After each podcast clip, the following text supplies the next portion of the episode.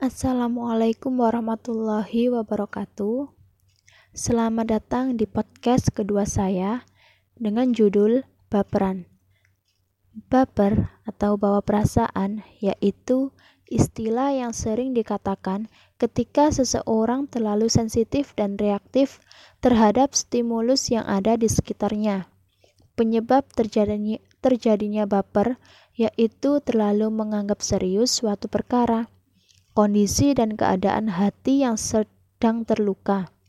Hayo, siapa yang merasa tersakiti? Hehehe. Um, anggap saja sebagai pelajaran ya, Beb.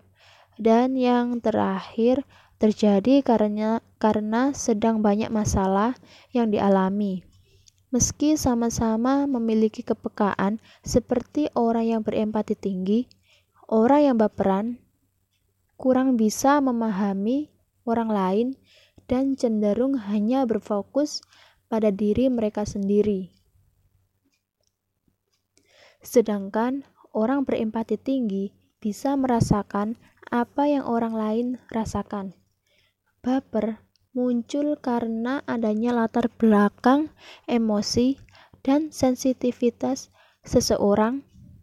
Dalam psikologi, Baper ada sebutannya sendiri, yaitu HSP atau Highly Sensitive Person, yang mendefinisikan sebagai orang yang lebih memiliki kesadaran terhadap hal-hal kecil di sekelilingnya dan lebih mudah merasa kewalahan ketika berada di lingkungan yang sangat menstimulasi inderanya.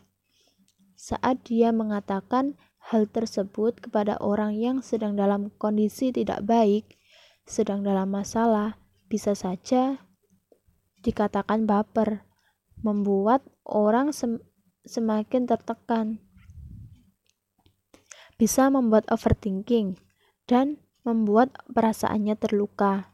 Mungkin ciri yang mudah terlihat adalah mudah tersinggung, mudah tersentuh akan sesuatu hal lebih emosional. Merasakan emosi tidak harus berarti baper loh beb. Baper juga, bisa juga menyesatkan. Jika baper dalam masalah percintaan bisa diatasi, maka kehidupan cinta bisa ter, terasa lebih nyaman dan menyenangkan. Orang baper lebih suka sendiri, namun saat bekerja dalam tim tetap bisa sensitif dalam merasakan rasa sakit. Dalam keadaan tertentu, mungkin orang HSP akan menyadari akan perilakunya dan mungkin orang lain dapat melihat perilaku tersebut. Namun, kita jangan mudah mengasumsikan.